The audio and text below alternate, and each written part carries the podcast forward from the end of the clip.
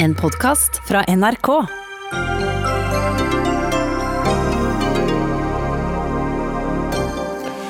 Enslige kvinner skal kunne få assistert befruktning, har stortingsflertallet bestemt. Eggdonasjon skal tillates i Norge, har stortingsflertallet bestemt. Tidlig ultralyd skal bli tillatt, har stortingsflertallet bestemt. Og blodprøven som avdekker kromosomfeil på foster, har også stortingsflertallet tillatt. Nederlag på nederlag for Kristelig Folkeparti og regjeringen i Stortinget i dag. Hva skjedde med partilederen i KrFs historiske mulighet? Samtidig er regjeringspartiene nå enige om en Moria-løsning, men hvor mange asylsøkere og når de kan hentes, se det er høyst uklart. Og er det egentlig lov å utgi seg for å være en annen for å sende og motta intime bilder?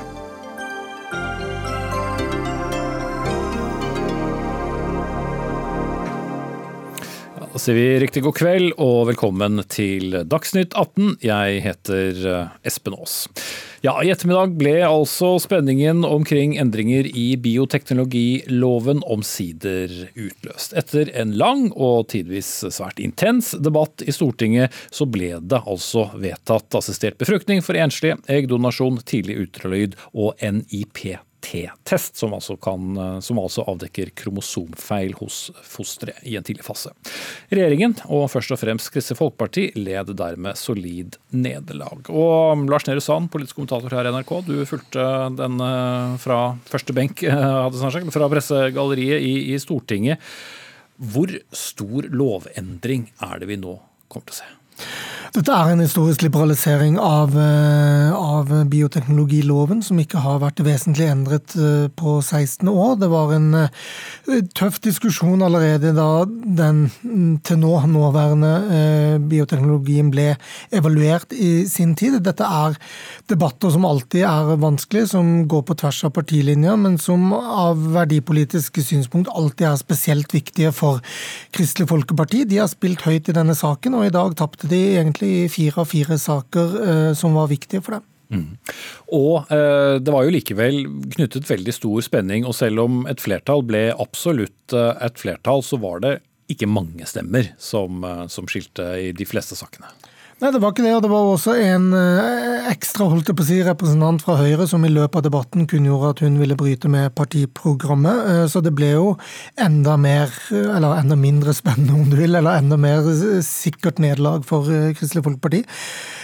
Og enda større støtte da for det som nok også er folkemeningen, nemlig at bioteknologiloven skal liberaliseres i tråd, men fortsatt innenfor strikte rammer med den medisinske teknologiske utviklingen. Og det jo det å finne de avgrensningene som er viktig for politikerne. Det er vanskelige diskusjoner og samtaler i alle partier, men nå lander man da ned på noe etter det vil si har vært en veldig verdig og respektfull debatt i stortingssalen fra, fra alle som holdt innlegg, eh, som har tatt inn over seg den, den verdigheten saken eh, krever og, og, fortjener.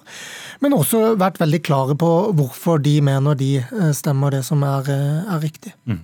Og alle 169 representantene var da bedt om å stille, og det er jo sjelden vi ser så full sal, i hvert fall deler av dagen i dag. Men selv om dette var først og fremst KrFs sak, så var det jo veldig hva skal vi si, kraftige innlegg også fra de som da har kjempet for å, for å endre loven. For det er ikke bare KrFs sak dette. Det har jo vært mange partier som da har ønsket å endre den. Ja, definitivt. Og det handler jo om både enkeltmenneskets frihet, det handler om å gi eh, mye, så mye informasjon til de som venter barn som de kan få, og som det er mulig at de kan få. Det handler om å, at enslige kvinner eh, allerede i dag drar til andre land eh, nært Norge for å få det tilbudet. Nå kan de få det i Norge innenfor de rammene det norske storsamfunnet mener er eh, riktig og viktig. Det handler om å ja, tillate eggdonasjon for par som allerede kan få sæddonasjon, hvis, eh, hvis det er det, eller likestille de to tingene. da. Eh, og det handler om, eh, om, denne tidlige ultralyden, som jo allerede tilbys til veldig mange. Nå kan det gjøres i, i, i, med statlig finansiering, og det kan gjøres likt uavhengig av hvor du bor i, i Norge. Og det har vært oppmykninger, og det er noen vil si en modernisering av lovverket, som, som har vært debattert over lengre tid, men som nå da slås fast at fra og med noen ting i sommeren, noen ting anmodes om å gjøre når, når man er klar for det, blir endret og, og blir norsk lov. og når vi vet hvor sjelden bioteknologiloven faktisk blir gjennomgått, så, så er dette endringer som vil, vil stå seg i, i ventelig lang tid. Mm. Ja, for de som måtte lure på det, og du svarte egentlig på det nå, det siste spørsmålet ditt. Nå skjer dette, og nå eh, må regjeringen rett og slett bare rette seg etter stortingsflertallet. og Det er ikke noen flere stopp på veien, nå endres loven. Det er riktig. Mm. Bodil Wingel, du er leder av fostermedisinsk enhet ved Universitetssykehuset i Nord-Norge. og Du er med oss fra København, der du er stasjonert, og var også en av 15 representanter fra det fostermedisinske miljøet i Norge, som i en kronikk i Aftenposten støttet da disse endringene allerede i, et innlegg i Aftenposten uh, i går. Hvis vi skal eh, oppsummere hele lovendringen sett uh, under ett, hvor er det store fostermedisinske fremskrittet? Eh, sånn som jeg ser det. og det er jo veldig viktig at, eh, som dere har vært inne på, det her med likhet. At uavhengig av eh, alder, økonomi i bakgrunn, så vil de gravide få et likt tilbud. Og Da er det viktig at sånn som vi opplever i dag, at en del reiser ut av Norge for å få tilgang til tidlig ultralyd og blodprøve. Eh, at man nå sikrer at vi får god kvalitet på undersøkelsen eh, i Norge. Eh, samtidig så sikrer vi oss at, vi har, at gravide får god informasjon før undersøkelsen, sånn at den gravide vet hva innebærer det, hva, hvilken informasjon kan du få ut fra denne undersøkelsen, avhengig om det da er tidlig ultralyd eller om det er denne NIPT. Samtidig så sikrer vi oss at det er god oppfølging eh, når vi f.eks. har eh, funn ved ultralyd, da sikrer vi oss at vi har et, et, eh, et opplegg etterpå som sikrer at pasienten får eh, tilbud om de undersøkelser videre som, som er viktig for henne for å få god informasjon. Mm. Eh, eh, Norge har jo da eh, det strengeste lovverket i Norden innenfor bioteknologi. Du er selv dansk og har jobbet ved danske sykehus. I hvilken grad har norske kvinner reist f.eks. til Danmark for å få både tidlig ultralyd og, og denne NIPT-blodprøven? Eh, det som Jeg har opplevd, altså nå, jeg jobber jo i Tromsø, og, og det er der jeg jobber mest. da, og Så har jeg de siste tre årene også jobbet i Danmark, og har bl.a. også vært uh, jobbet privat i Danmark for å kunne gi god veiledning til de norske kvinnene som, som kommer til, til Danmark. Um, og da opplever vi, altså Det som vi opplever, det som vi vet, det er jo at en, en stor andel, 70-80% av alle gravide i Norge, eh, tar tidlig ultralyd. Om de da gjør det i Norge eller om de drar til utlandet eh, der de utover tidlig ultralyd har muligheten til å ta f.eks. denne NIPT-blodprøve. Eh, hvor mange som, som drar hit, det, det, har vi ikke full oversikt over. hvor mange som drar til Danmark, Men jeg opplever jo, der jeg har jobbet privat, at det kommer mange fra Norge eh, som ønsker denne NIPT, og, og, og, og ønsker til, eller samtidig selvfølgelig med en tidlig ultralyd. Eh, og Da har det for min del vært viktig å kunne gi de god informasjon, og, og kunne gi de eh, den informasjonen at de har muligheten til oppfølging i Norge om vi skulle finne noen ting på undersøkelsen i Danmark.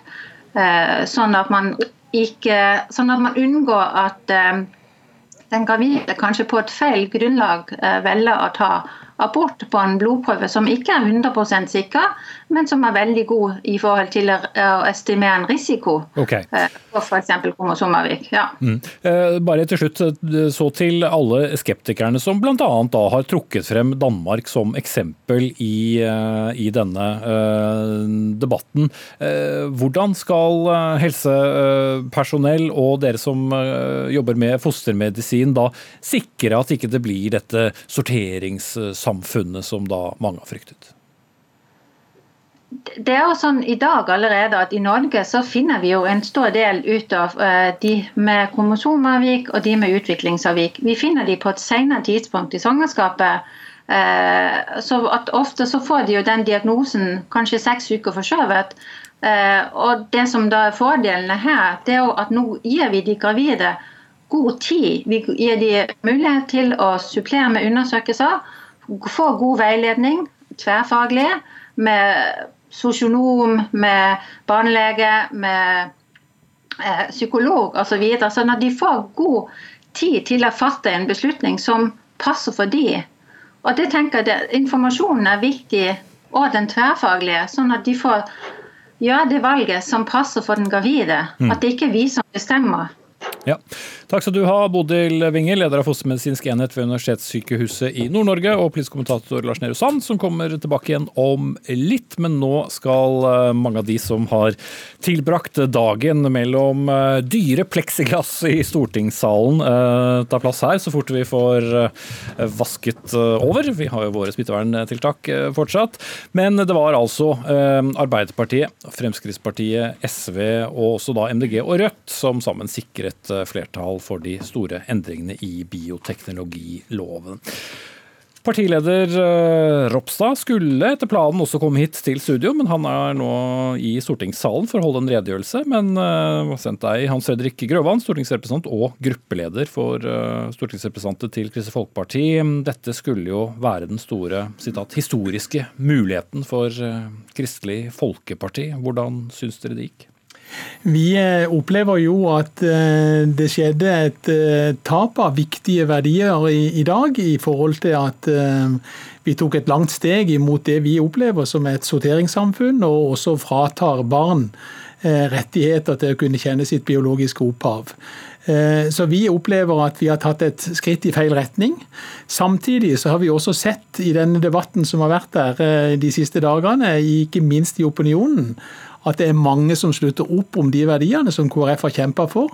Vi har fått eh, stor støtte langt utover KrFs kretser, og vi ser at det er behov for et verdiparti framover, for vi får nye verdislag framover. Når vi nå får en eh, utstrakt eh, mulighet for testing, f.eks. av gentesting av barn, kartlegge ulike diagnoser, så stiller fort spørsmålet seg hva slags barn er det vi ønsker skal bli født i Norge i framtida? Og hvordan skal vi bruke den teknologien som blir tilgjengelig? Hva er det perfekte barnet? Og vi får store etiske utfordringer i forhold til hva slags grensesetting vi skal ha. Og den diskusjonen vil være viktig, og den eh, har vi bare begynt på nå. Mm. Dere har holdt på med en stund eh, også, da, Tuva Moflag, stortingsrepresentant fra Arbeiderpartiet. Og din partileder tok et oppgjør med bruken av ord som nettopp sorteringssamfunn og samvittighetsfrihet. Eh, hvorfor har dette blitt en så viktig sak for Arbeiderpartiet? Nei, Dette er jo en verdisak for Arbeiderpartiet også. og Det var jo mange som trakk fram det i debatten i dag, at det er ingen partier som har monopol på verdier. Poenget er at vi vektlegger ulike ting. Eh, når jeg vil at eh, norske kvinner skal få tidlig ultralyd, så er det en verdi i at de får vite, hvis de ønsker, informasjon om sitt svangerskap. Det er en verdi at de kan bli fulgt opp tettere i svangerskapet, og det er en verdi.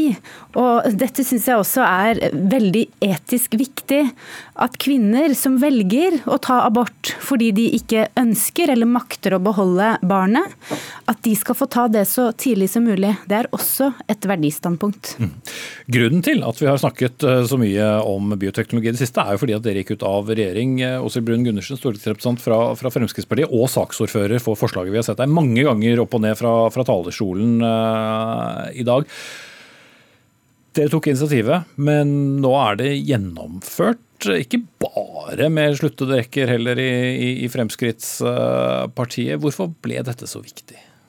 Altså, kvinner som er gravide, står overfor mange eh, forskjellige utfordringer gjennom svangerskapet. Et av de er jo spørsmålet lever barnet mitt. Mange kvinner i dag lurer på det grunnleggende spørsmålet om barnet lever. Det får de i dag ikke svar på før de er fem måneder på vei.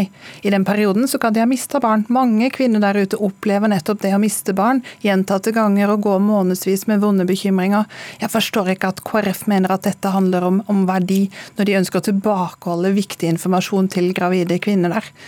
Så for oss har det vært viktig å ta i bruk nettopp den teknologien som gjør det mulig å få informasjon om sitt eget svangerskap. Og I den grad man får informasjon om at barnet har en alvorlig sykdom, kanskje ikke vil overleve svangerskapet i det hele tatt, så er det viktig at kvinner får vite om det tidlig. Enten fordi at man da får bedre tid til å tilrettelegge for den perioden. Eh, barn med Edvard eller Pataus syndrom de, de overlever eh, stort sett ikke svangerskapet. I den grad de overlever, så lever de seks dager. Det er tunge beskjeder for få, men da er det viktig at den tas og gis tidlig. Mm. Eh, som vet, 169 representanter, 85 var det som trengtes for å få flertall. Det ble mer enn som så, men likevel, det er jo et eh, storting som om ikke er delt helt på midten, så ikke så langt unna. Nei, det er, jo, det er, jo, feil. Vi har jo hatt en bioteknologievaluering i Stortinget i 2018, og det store store flertallet i, i, Stortinget ser jo at moderniseringer er viktig på mange jo, men på de avstemningen på de forskjellige forslagene? Ja da, ja da, KrF klarte å holde et jerngrep de over høyre og venstre, men ikke alle. I løpet av debatten så var det også ulike representanter fra Høyre og Venstre som syns det grepet KrF tatt har vært så vanskelig å stå i at de rett og slett ikke orka det mer. Fordi man ser at de som må betale prisen for KrFs eh, moral, det er kvinnene. Hans Henrik Røvan, eh, dere har beskyldt Frp for å sette sitat, kniven i KrFs eh, hjerte. Blir det et annerledes forhold mellom Kristelig Folkeparti og Fremskrittspartiet, f.eks. når budsjett skal behandles til høsten? Vi eh, hadde jo en avtale med Frp på Granavolden-plattformen om at ikke vi skulle gjøre disse endringene i bioteknologiloven som ble gjennomført i dag. Og Det første vi opplever når de da går ut av regjeringen i januar i år, Eh, det er å fremme forslag som nettopp utfordrer KrF. Eh, og Det gjør de samtidig som de nå forventer at eh, Granavolden-plattformen skal oppfylles til punkt og prikke. Så, så, dette er en inkonsekvens fra et eh, partis side. Men Sier du at dere ikke er så opptatt av Granavolden-erklæringen fremover? Vi har sagt at vi skal styre på Granavolden-plattformen også etter at Frp gikk ut. Men vi må jo selvfølgelig gjøre vurderinger hele veien, både av budsjettmessige hensyn og andre vurderinger. Men, men det er litt inkonsekvent fra Frp. at de tar dere da være like inkonsekvente, da? Altså, vi, eh, vi vil hele tida, en trepartisregjering som er mindretallsregjering, må gjøre sine vurderinger i forhold til de saker som er viktigst både for Norge og for de tre partiene til enhver tid, og selvfølgelig også en del saker som har budsjettmessige konsekvenser. Så jeg vil jo si at den avstanden som vi så mellom KrF og Frp når Frp valgte å gå ut av regjering pga. at vi henta et, et sykt barn fra eh, IS-leir, IS. eh, de verdiene som vi så da lå på bordet i forhold til avstand, de er jo blitt atskillig mer tydelige når det gjelder avstand mellom våre to partier. Jeg kan godt forklare inkonsekvensen, som KrF kaller det. Det er jo Fremskrittspartiets viktigste oppgave i Stortinget å sørge for gjennomslag for FrPs politikk.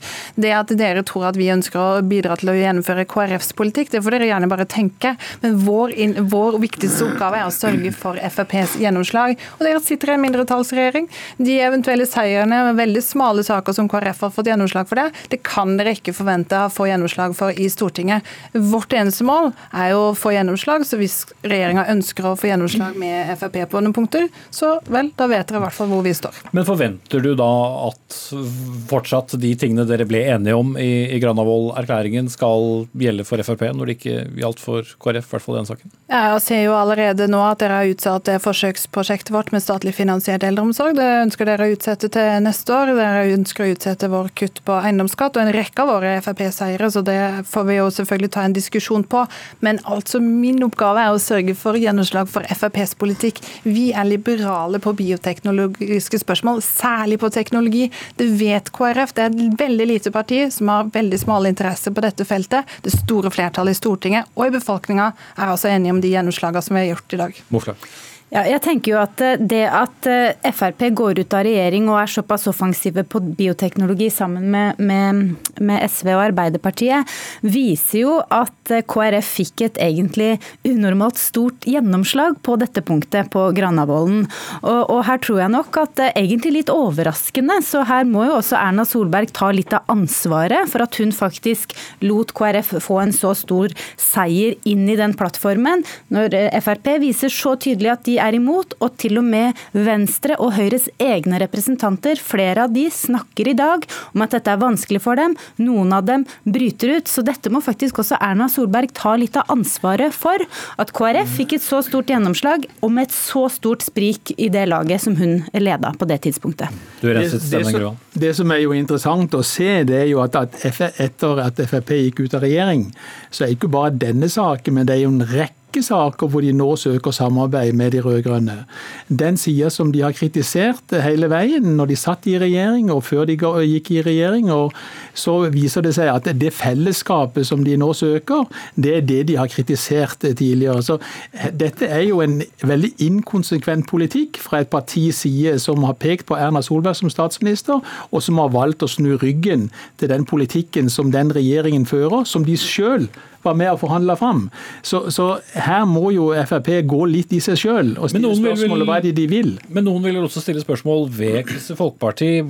Av de som håpet at dere skulle vinne frem i dag, vil vel da stille seg spørsmålet hvorfor skal dere da fortsette å støtte en regjeringserklæring som sånn sett eh, ikke har den eh, verdien den hadde? Altså, Vi eh, har sagt at vi ønsker å stå på den avtalen vi inngikk når vi gikk inn i regjering. Men som jeg sier, vi må hele tida gjøre valg og vurderinger og prioriteringer.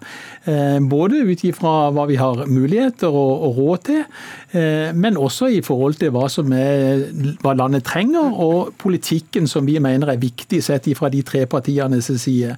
Så Det vil alltid være en, en løpende vurdering. Men vi ser jo et et Fremskrittsparti her eh, som opptrer på en måte som sier at på den ene sida så vil de ha den regjeringen som, eh, med Erna Solberg som statsminister og vil støtte den. På den andre sida så søker de stadig fellesskap med de sosialistiske, de rød-grønne partiene, som etter hvert blir et mønster i eh, stortingsarbeidet denne våren. Altså, vi kan gjerne, vi kan, altså, poenget er i hvert fall at KrF har ikke fått gjennomslag for bioteknologiloven denne gangen, og det er jeg utrolig glad for. Kvinner der ute vil nå få en bedre fosterdiagnostikk, de vil få bedre oppfølging i svangerskapet sitt, de vil få tilgang på informasjon som av en eller annen grunn er veldig viktig for KrF å skjule for dem.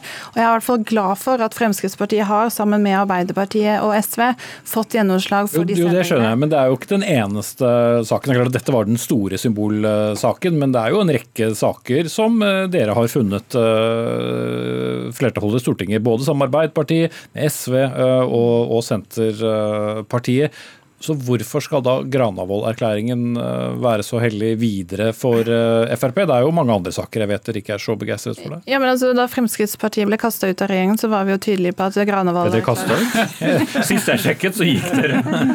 ja, men det var en, det er en egen diskusjon. Altså, fordi at uh, når vi forlot regjering, så var vi jo veldig tydelige på at vi skal ikke være noe rundingsbøye for regjeringen i Stortinget. I Stortinget så kjemper Fremskrittspartiet for å få gjennomslag for FrPs politikk. Og vi har ikke noe hellig forhold til hvilke partier vi skal søke da flertall med. Så lenge det er våre løsninger, så blir det endelige resultatet. Og ikke noe heller forhold til Granavolden videre? Vi får eller? veldig mye gjennomslag for vår politikk i Stortinget, og det er det viktigste for oss. Mm. Men bare for å vri på det, nå er vi litt langt unna det vi begynte med, Moflag, men, mm. Eh, men likevel Arbeiderpartiet og Fremskrittspartiet, det er jo ikke de mest naturlige samarbeidspartnerne, vil mange si, i hvert fall ut fra mm. hvordan dere, dere, dere, debatterer med hverandre. Men mm. du verden så ofte dere har blitt enige. Ja, og jeg ser jo frem til å kunne være litt mer uenig med Åshild Brun Gundersen igjen. Eh, blir artig å ta en real fight med henne i, i stortingssalen. Men eh, det som er litt viktig å merke seg med dette bioteknologiforliket som vi har lagt fram, og nettopp det at enkeltrepresentanter fra både Høyre og Venstre går ut og støtter det i dag, viser jo hvor stor bredde dette egentlig har i Stortinget. Og jeg syns det var en veldig fin styrke for det vedtaket som vi fatta i dag. Det er egentlig ikke bare tre partier som står bak dem, det er faktisk fem. Men både Venstre og Høyre stemmer imot det de egentlig er for.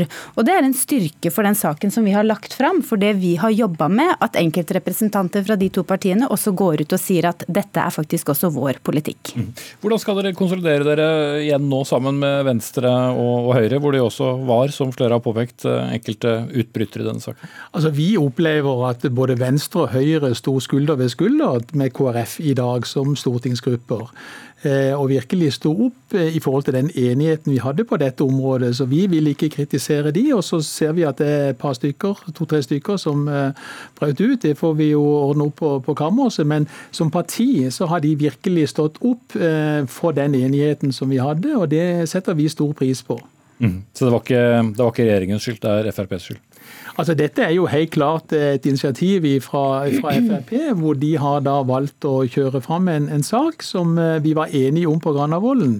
Samtidig så har jeg også lyst til å si at eh, de utfordringene som nå den nye loven legger opp til i forhold til mer testing, eh, mer diagnostisering, det håper jeg også dere er oppmerksomme på i forhold til hva slags problemstillinger dette reiser, med utvikling av mer teknologi og leiting etter diagnoser som kan kan bli en kraftig utfordring for mange kvinner som står i vanskelige valg. Og Der håper jeg at dere også er bevisst at det skal være etikken som kommer foran teknologien. og Svare kort på det til slutt. Løfte det i den debatten som skal skje videre, og som vil komme rikelige mengder av framover. Mm, det er jo helseminister Bent Høie som har godkjent NIPT for bruk i den norske helsetjenesten i dag. En, en helseminister som KrF har støtta i syv mm, altså den kromosomtesten? Ja, riktig.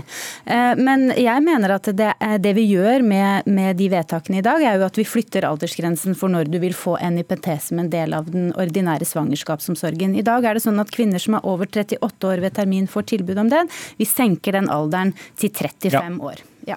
Kort til slutt, Brungersen. Vi som samfunn skal alltid stille opp for familier som står i en vanskelig situasjon. og Jeg ser frem til at regjeringa kommer til å legge frem likeverdighetsreformen, som bl.a. gir en koordinator tidlig i svangerskapet for familier som skal bære frem barn med alvorlige sykdommer eller funksjonshemninger, og de skal vi virkelig stille opp for.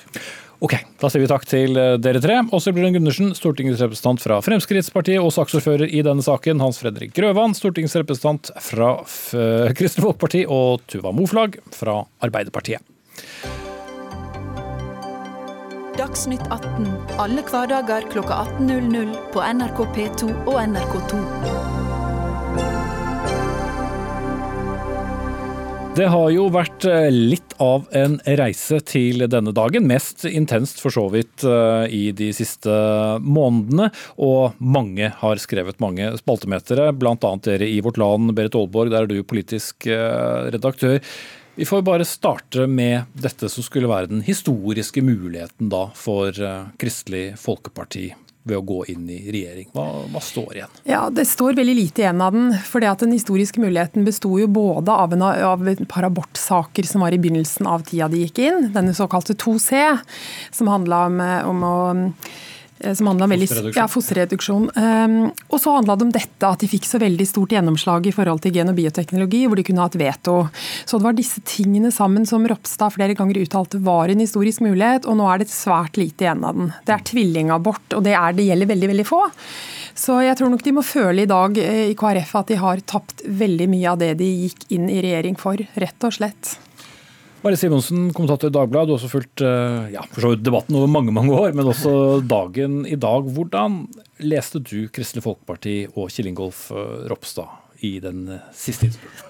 Ja, altså jeg, tror det var et høyt spill å be om full sal. Eh, og det virket som om det slo litt tilbake på ham. At eh, det, alt snakket om at de skulle tvinge folk til å, å, å ta partipisk og støtte opp om regjeringen, og at man skulle ikke stemme etter sin egen samvittighet, det tror jeg gikk hardt inn på enkelte. Og Sylvi Listhaug har vel sagt rett ut at eh, det provoserte enkelte i Frp kraftig. Ja, hun valgte å, ja, hun sa jo faktisk i Vandrehallen i dag at hun stemte mot sin egen overbevisning og med partiet. og Det ja, var jo ja. uvanlige toner ja. fra, fra Sylvi Listhaug. Men det er jo riktig som eh, Berit sier, at, eh, at, dette har nullet ut eh, KrFs seier ved å gå inn i regjering. Og det står liksom det er tilbake til, tilbake til start.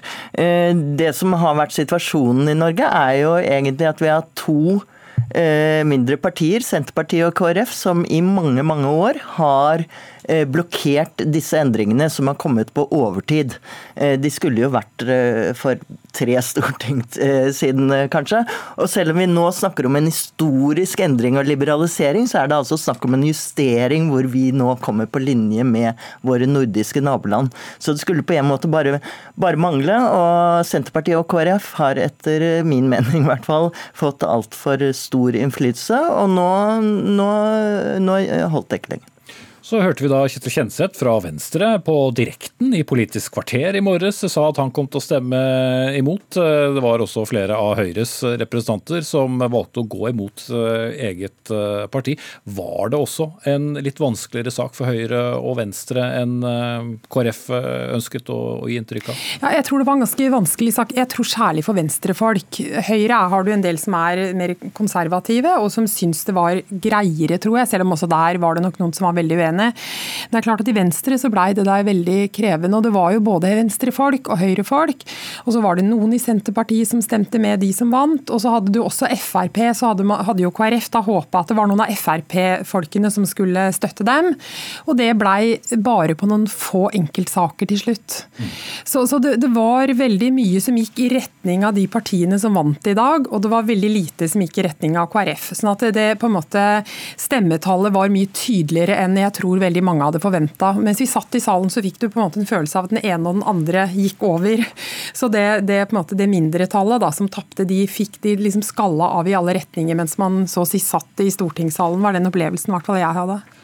Kjell Ropstad fikk altså pleksiglasset midt i, i fjeset egentlig i dag, men svekker det nødvendigvis han i KrF? Fordi han har jo fått stått opp for uh, sine velgere? Det er jo det de sier, at de har i hvert fall vist at de står opp for denne saken, som er ekstremt viktig. De har snakket om at det er den viktigste saken i denne stortingsperioden. Men det har jo svekket denne regjeringen. altså De er en mindretallsregjering. Vi visste jo at uh, Frp sa med en gang at de ikke var lenger uh, bundet av Granavolden-plattformen, men de har jo da også nå i dag markert seg som et hvert fall eh, grundig som et opposisjonsparti som er villig til å påføre regjeringen sviende nederlag. Og Det er jo også et sprekk i laget på den borgerlige siden da, på den måten.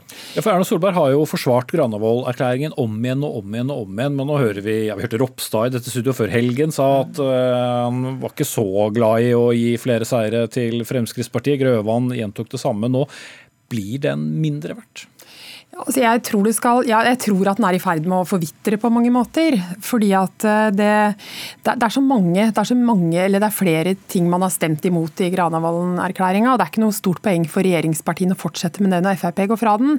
Men jeg har bare lyst til å komme litt tilbake på hvorvidt dette Skal jeg hva det forrige spørsmålet ditt gikk på? Om uh, det styrker det KrF styrker og, og, og Ropstad, ja, for dere har jo brukt veldig mye tid på det. Ja, jeg tror, jeg, tror kan, jeg tror, du kan, gå begge veier. for På den ene sida så har han stått veldig opp for det han tror på.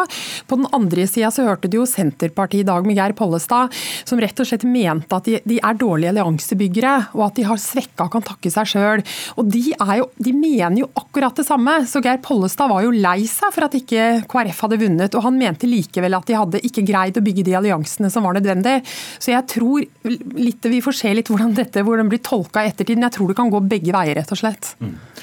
Du har jo fulgt eh, denne bioteknologiloven siden Dagfinn Høybråtens tid som statsråd. Eh, Marie Simonsen sa det til oss i dag. Ja. Det begynner å bli en 20 års tid. Eh, det... Da var det jo en slags uhellig allianse mellom KrF og SV som, som først innførte det Dagfinn Høybråten da skrøt av som den mest restriktive biotekloven i hele Europa. Det hadde han rett i. Og så ble jo SV tvunget på defensiven og måtte snu, så det ble endret, liberalisert lite grann. Men så fikk man en rød-grønn regjering hvor Senterpartiet plutselig satt som en propp i systemet. Så det er eh, det er eh, det er jo litt merkelig å se hvordan eh, relativt små partier får så mye å si i verdispørsmål, hvor du også har et stort flertall i befolkningen som er for en slik liberalisering. Der er det jo enda større flertall enn på Stortinget. Takk skal du ha, Marie Simonsen, kommentator i Dagbladet. Vi skal ha et slags lite temaskifte.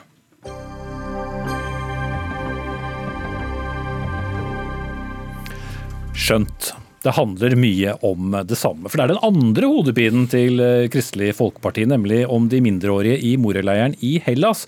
Der kom det litt eh, plutselig en eh, hastemelding i formiddag om at regjeringen sier ja til å hente asylsøkere fra Hellas, forutsatt at minst åtte til ti andre europeiske land gjør det samme. Dette er også en debatt som har pågått i eh, flere uker, men altså de tre regjeringspartiene sier at de er enige om en løsning. Folk vi snakket med i Fremskrittspartiet var ikke særlig fornøyd, og folk vi snakket med i SV var heller ikke særlig fornøyd. Så Lars Nehru Sand, eh, vår politiske kommentator, hva slags løsning er det regjeringen mener den har kommet frem til her? Dette er jo en løsning som overhodet ikke står i stil med det Kristelig Folkeparti har eh, bydd opp til dans med å, prøve å få til. De har jo først uh, truet med å, uh, å, gå til Arbeiderpartiet og prøve å få, få et flertall for noe med, med, opposisjonen, og dermed forlate Høyre i, i denne saken.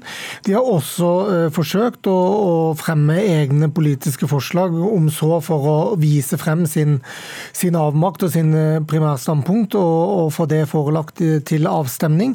Ingen av de to tingene har eh, skjedd. Så det dette betyr er at Høyre i og for seg har fått kontroll over situasjonen, samlet de tre regjeringspartiene om et eh, vedtak vi får tro for flertall på et eller annet vis.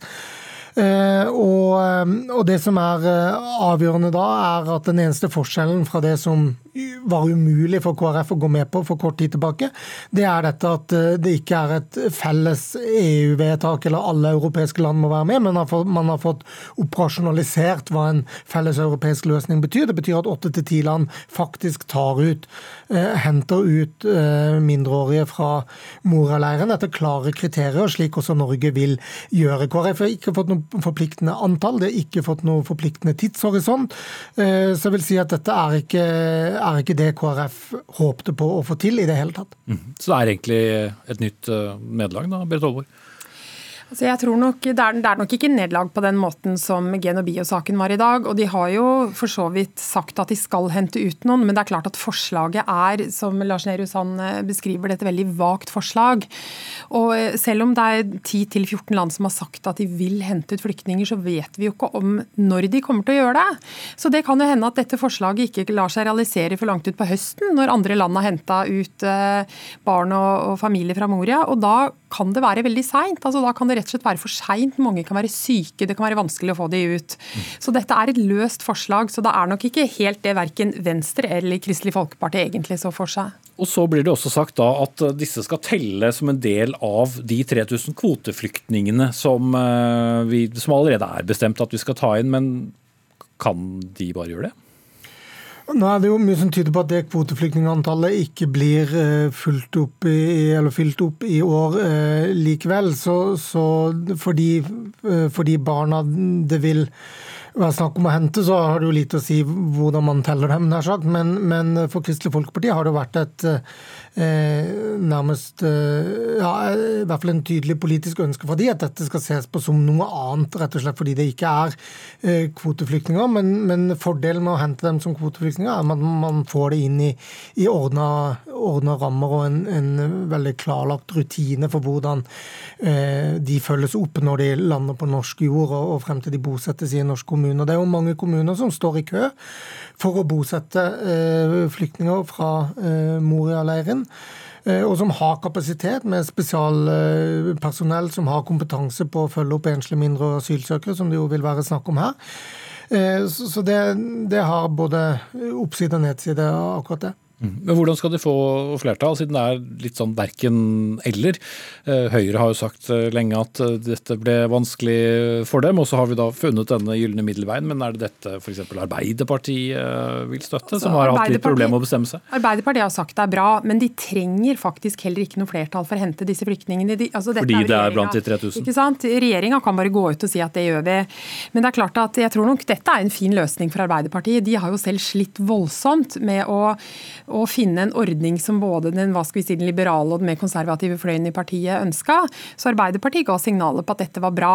Og så er Senterpartiet vil nok også være rimelig fornøyd.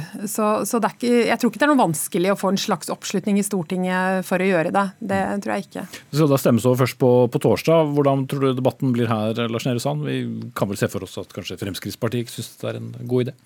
Nei, og De har vært tydelige på det fra vi snakka med dem i, Vandalen i formiddag likevel. Det er vel sånn at Debatten er i kveld og avstemningen på torsdag, som du sier, så vi får uh, følge med det uh, utover kvelden. Mm. Men den store bring uh, barna fra Moria-leiren hjem, den vil den ebbe ut? Altså, det blir jo spennende å se hvordan dette her skal foregå. Hvis de f.eks. tar inn 1000, nei, 100 stykker eller 200-300 stykker, så vil det jo få en viss effekt. Men, eh, men, det er klart at SV vil jo ha 1500 inn, og det tviler jeg nok på at det blir. Så jeg tror ikke SV vil bli fornøyd, som er de som har foreslått det som nå ligger på bordet i Stortinget. Takk skal du ha, Berit Aalborg, politisk redaktør i Vårt Land, og Lars Nehru Sand, politisk kommentator her i NRK.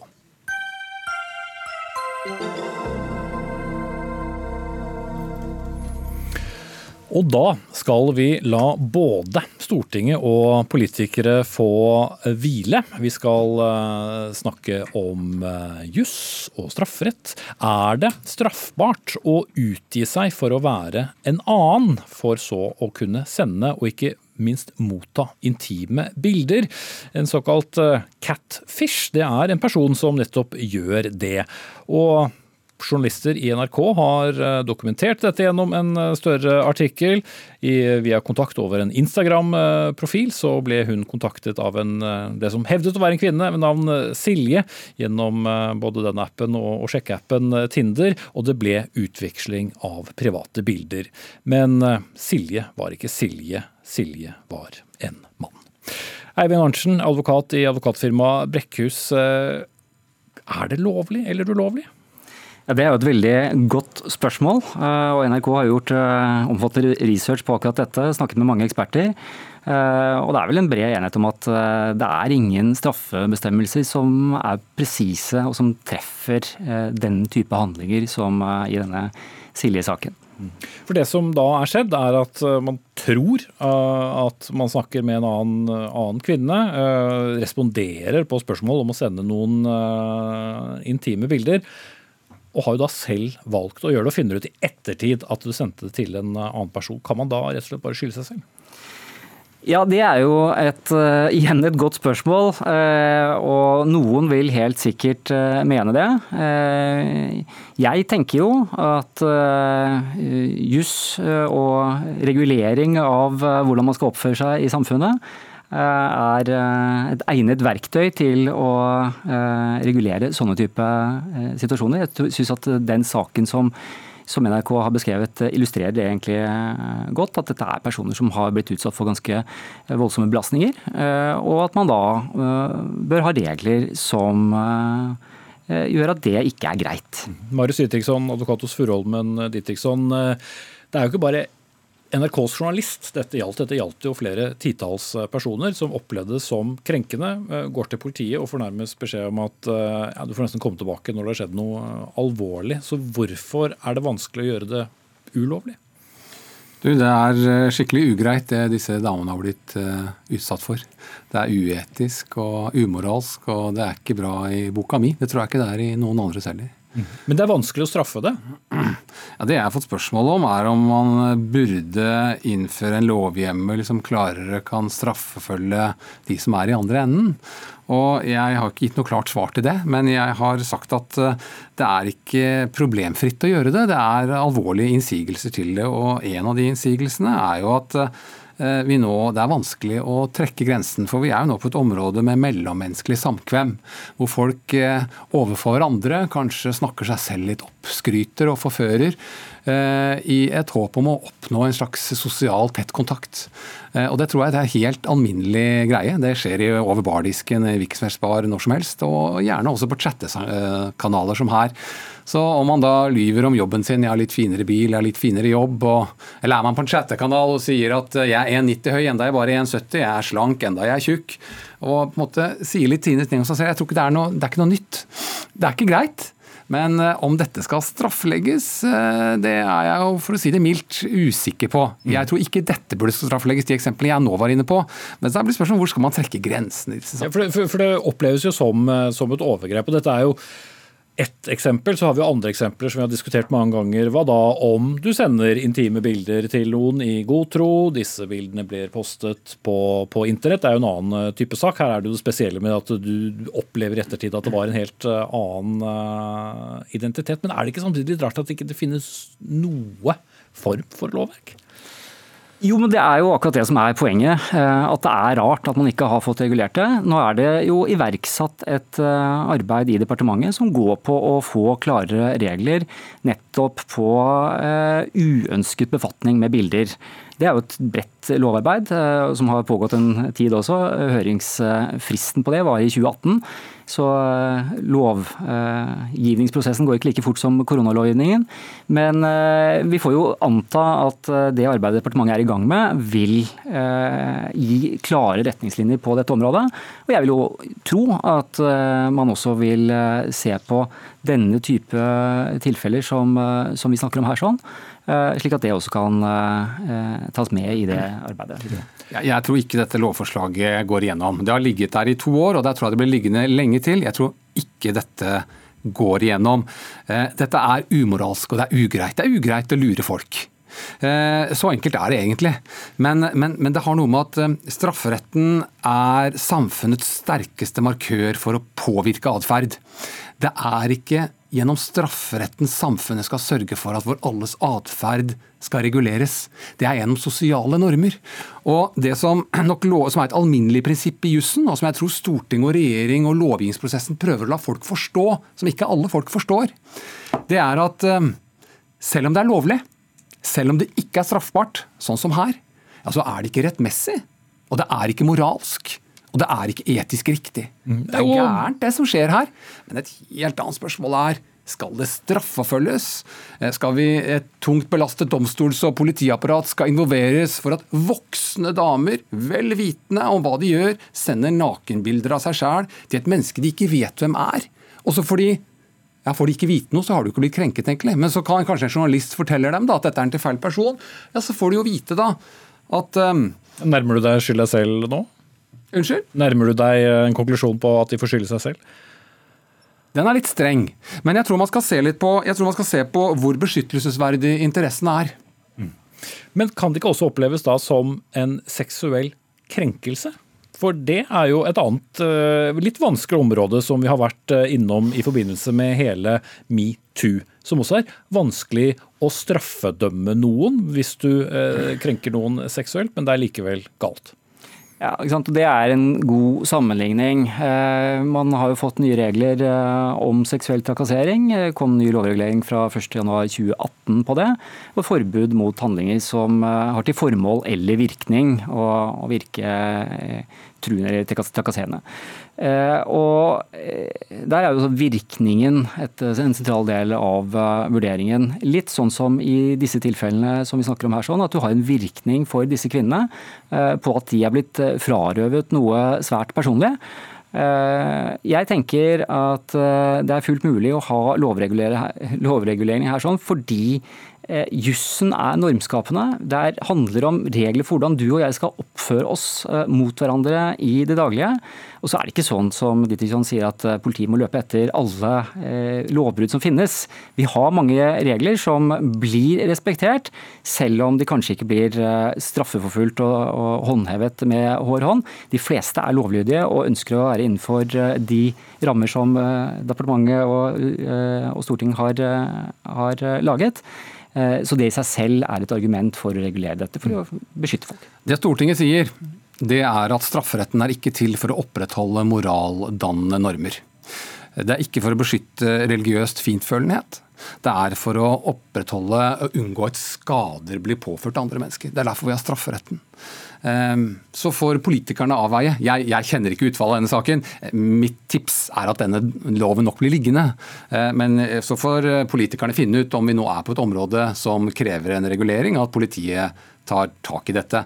Så langt har det i hvert fall vært slik at løgnen mellom mennesker for å snakke seg sjæl litt opp, den har foreløpig ikke blitt forfulgt av politiet. Og jeg tror ikke det kommer til å skje i fremtiden. Mm. Men da ender vi fort med en uh, ikke send nakenbilder til folk du ikke kjenner, da. Så stopper det der. Det er vel kanskje et godt råd eh, til alle. Ja, uansett. Men uh, hjelper kanskje ikke for alle som var involvert heller. Men uh, takk skal dere ha for at dere kastet litt lys over dette. Marius Didriksson, advokat og styreleder i advokatfirmaet Furuholmen Didriksson, og Eivind Arntzen, advokat og partner i advokatfirmaet Brekkhus. Hør Dagsnytt 18 når du vil. Radio NRK Radio.nrk.no.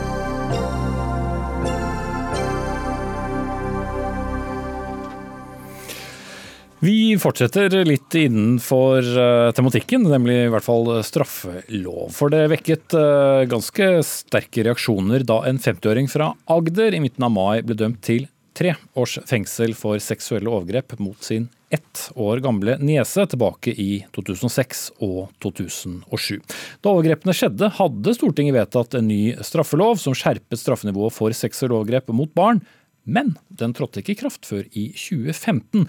Og Grunnloven ja, den er klar på at ingen lover kan gis tilbakevirkende kraft hvis den nye loven slår verre ut for den tiltalte. Og Retten hadde derfor ikke noe annet valg enn å dømme mannen etter den gamle straffeloven. Men Kari Kjønaas Kjos, stortingsrepresentant fra Fremskrittspartiet, her vil du ha et uh, unntak, at det altså skal gis tilbakevirkende kraft. Uh, hvorfor skal ikke overgripere ha samme vern som andre? Ehm, nå har jeg vel egentlig sagt at jeg eh, forstår alle de som har tatt til orde for det. Det kom sterke reaksjoner fra hele landet eh, på denne dommen, og det forstår jeg veldig godt. Ehm, og det var flere som mente at dette måtte være feil. Og det har jeg sagt at det forstår jeg veldig godt. Og jeg sa også at hvis jeg fikk lov å bestemme dette alene, så hadde jeg eh, gitt den tilbakevirkende kraft. Og hovedgrunnen til det er at det er veldig, veldig spesielt med seksuelle overgrep, fordi det sjelden oppdages når det skjer. Eh, når vi eh, lager strengere straffer, så skjer ofte de fleste lovbruddene like etterpå. Her kommer vi i 10-20 år framover i tid fortsette å støte på sånne saker. Fordi barn sjelden forteller. Og du ødelegger en barndom og du ødelegger langt på vei et voksenliv for mange mennesker.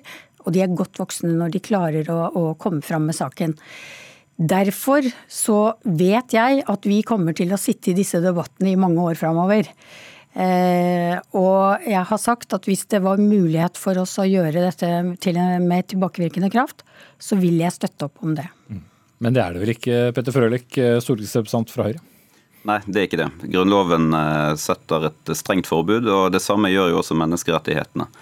Og Selv om vi er helt enige om at det er en helt forferdelig eh, kriminell handling, og at det bør eh, straffes veldig veldig strengt, så skal vi også være glad for at vi har noen regelverk som setter begrensninger for hva rettssystemet og for så vidt politikere kan, kan finne på. F.eks. å gi tilbakevirkende kraft. Det er jo opprinnelig ment som en grense mot tyranni for å hindre at eh, eh, det skal komme folk som ønsker en, en voldsom samfunnsomveltning, endre straffeloven og gjøre de betydelig eh, strengere, og gå tilbake inn i tid og straffe alle som har gjort enten tidligere lovlige handlinger, eller skjerpe straff kraftig. Og Det ville gitt samfunn som var så uforutsigbare og så utrygge at jeg tror faktisk ikke det finnes et eneste eksempel i hele verden på rettsstater som, som, har den type tilbakevirkende kraft. Det, det er sånn klassisk å nevne Nord-Korea. Jeg tror kanskje til og med ikke de eh, straffer folk med tilbakevirkende kraft. Så jeg er helt enig i intensjonen din, og jeg er helt enig i fordømmelsen av eh, den kriminelle handlingen. Og vi er begge enige om at vi ønsker en mye, mye strengere straff. Men å begynne med en sånn unntakskatalog i Grunnloven på hvilke kriminelle handlinger som skal unntas for Grunnloven, det tror jeg er en dårlig løsning. Kjos. Ja, jeg, jeg, ser jo alt dette, og jeg er helt enig i at vi har det lovverket vi har. Jeg bare syns at det er ekstremt krevende i disse sakene som omhandler barn. Fordi vi, vi kommer til å møte på disse sakene i mange år. Eh, det er det som gjør det vanskelig. Og det er eh, veldig, veldig vanskelig for de som eh, Den saken som det gjelder, som du refererte til, da så blir det jo et helt liv er ødelagt. Og hva var det verdt? Altså, det er noe med de signalene som sendes, og jeg forstår veldig godt at eh, den norske befolkningen reagerer, og jeg er glad for at de reagerer på det. Eh, men så kan jo kanskje journalistene være flinkere til å fortelle hele den sannheten rundt eh, hvorfor det er som det er. Eh, fordi ryggmargsrefleksen slår inn med en gang og tenker dette er ikke greit, dette kan vi ikke akseptere. Ja, for Det er jo noe med rettsfølelsen og følelsen av straff. og Det kan godt hende at overgrepssaker mot barn nødvendigvis ikke er det rette eksempelet, men det handler jo noe om respekten eh, for loven eh, og en forståelse av at overgrep da mot barn, som i dette tilfellet, og for så vidt seksuelle overgrep i, i større forstand, ofte straffes mildt. Mm. Det er i hvert fall en debatt vi, vi, vi stadig uh, har. Mm. Er det et problem? Det er et kjempeproblem. Og, altså, jeg vil jo si at uh, Tre års straff for så grove overtramp som vi her snakker om, det strider mot mest sannsynlig, Jeg skal ikke legge ord i munnen på det, men det strider mest sannsynlig mot din rettsfølelse og min rettsfølelse og din rettsfølelse. Hadde vi overlatt til gatas parlament og, stå for straffen, så er det ikke sikkert at, at, de hadde gått levende fra det. Fordi at aggressiviteten rundt denne form for kriminalitet er så stor, og fordømmelsen er så stor i samfunnet. Men det er nettopp derfor vi må tviholde på de konstitusjonelle rammene som, som vi har. De settes ofte under press, akkurat som du beskriver. Når det kommer sånne medieoppslag og raseriet vokser og sånn, det er nettopp da vi som politikere ikke må falle for fristelsen og si at her må vi gjøre unntak, eller her bør ikke de konstitusjonelle rammene gjelde fordi at dette enkelttilfellet er så gale. Da må vi rette oss i ryggen og så må vi si og forklare at det må være sånn pga. noen mer grunnleggende eh, prinsipper. Eh, noe som gjør samfunnet vårt bra på sikt, selv om akkurat dette enkelttilfellet er, er liksom irriterende, kanskje forkastelig. Men det er vel også vanskelig å skulle komme med den uh, forklaringen nå for de som har de sterkeste følelsene her? Kjøs. Ja, jeg, jeg syns det. Og jeg ville jo vært helt uten følelser hvis jeg ikke reagerte selv. Eh, seksuelle overgrep mot barn, det syns jeg er altså, noe av det verste du kan gjøre. Så jeg reagerer veldig på det. Og jeg vil ha den retten som politiker til å kunne si at jeg forstår alle de som blir sinte, og at jeg blir sint jeg òg, og at jeg er enig med dem. Eh, at jeg da kan gjøre noe, det har jeg heller ikke lovet. Men jeg reagerer, og det har jeg lyst til å få lov å si. Mm. Men for å snu litt på det, da. Altså, I overgrepssaken så sa også 50-åringen eh, at han innså i ettertid hvor gale handlingene var. Det er ikke blitt avdekket nye overgrep siden det eh, overgrepet. Ville det da likevel være rimelig å, straffe mannen som om overgrepene hadde skjedd i år, altså hvor straffeloven er annerledes? Altså, vi må jo bare forholde oss til eh, den kunnskapen vi har. Eh, men det er altså snakk om flere barn, flere år, vold og eh, grove seksuelle overgrep. Eh, så saken er så stygg i seg selv at eh, det å si at eh, det er mange år siden, det er å bagatellisere det, det han har gjort med disse barna. Så det syns jeg ikke er noen eh, noe Altså For meg blir det eh, helt meningsløst å diskutere. Jeg syns også det er litt rart å, å si at han eh, hadde krav på å vite hva strafferammen var når ugjerningen ble gjort. Akkurat som om vi tror at han har sittet og vurdert strafferammen før han eh, tok disse overgrepene. Nei, Det var derfor jeg tok det forbeholdet ja. også, om at det er kanskje ikke det beste eksempelet. Men det er et eksempel som kommer opp mange ganger. Da, at mm. man skal vite når man gjør, eh, gjør ugjerningen, så skal man vite hva straffen er. Eh, ja, men jeg tror ikke det har noe å si i akkurat denne saken. Men igjen, vi, eh, jeg forstår at dette er noe ikke vi får gjort noe med. Eh, men jeg beklager at vi ikke får gjort det. Eh, Frølik, Ada Sofie Austegard i Stine Sofies stiftelse sier til NRK at citat, diskusjonen rundt grunnleggende rettsprinsipper ved lovendringer bør snarest mulig åpnes for en grundigere gjennomgang. Jeg synes det det er å slå inn åpne dører. for jeg synes Dette er noe av de mest grundige debattene vi har. Det Jeg tror jeg kanskje lytterne er enige om også at dette nå er vi på et veldig veldig grunnleggende plan. og Jeg har vært i Dagsnytt 18-studio mange ganger og diskutert helt grunnleggende rettsstatsprinsipper senest i forrige uke. Så jeg, jeg, har ikke, jeg har ikke noe problem med å ha flere sånne debatter, hvis det er det hun etterlyser. Men men også i Stortinget, sikkert. Jo, men å tro at vi skal snu om på de, eller at det blir noen stor endring på det med det første, det blir det ikke. Fordi det systemet vi har, eh, fungerer såpass godt og tjener oss såpass godt. Eh, det gir noen utslag noen ganger som irriterer og frustrerer. Men da er det viktig mener jeg, som sagt, at vi i stedet for å gå inn og si at vi skal endre det, da må vi, da må vi på en måte stå opp for det systemet vi har. Og Det vinner man ingen popularitetskonkurranse eh, med, men jeg tror det er det som tjener samfunnet best på, på sikt. Mm. Og dermed må du holde deg for nesen eller bite tennene sammen? Ja, men jeg bare, Dette understreker hvor viktig det er at vi øker straffene på de områdene som vi mener at det er nødvendig, og at de implementeres veldig kjapt. Ja. Eh, fordi at den eh, lovendringen som kom i 2015, den var veldig viktig og veldig riktig, men den kom for seint. Mm. Ja, og Det var jo selvfølgelig også litt av uh, poenget i dette tilfellet. At uh, det var for så vidt en lovendring, men uh, den fikk ikke virkning før mye senere. Jeg tenkte vi ikke skulle snakke stygt om de som ikke er og ikke kan forsvare seg osv. Men, men den virkelige skandalen i det spørsmålet der var jo at straffeloven ikke ble innført raskt. Altså Den Ap-regjeringen som satt da, den brukte jeg tror det var ti år nesten på å innføre den, eller åtte år de klarte ikke å gjøre det på åtte år. sa man. Okay.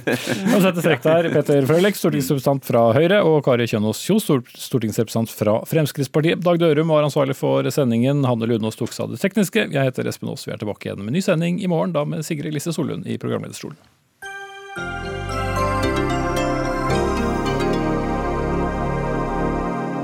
Du har hørt en podkast fra NRK. Hør flere podkaster og din NRK-kanal i appen NRK Radio.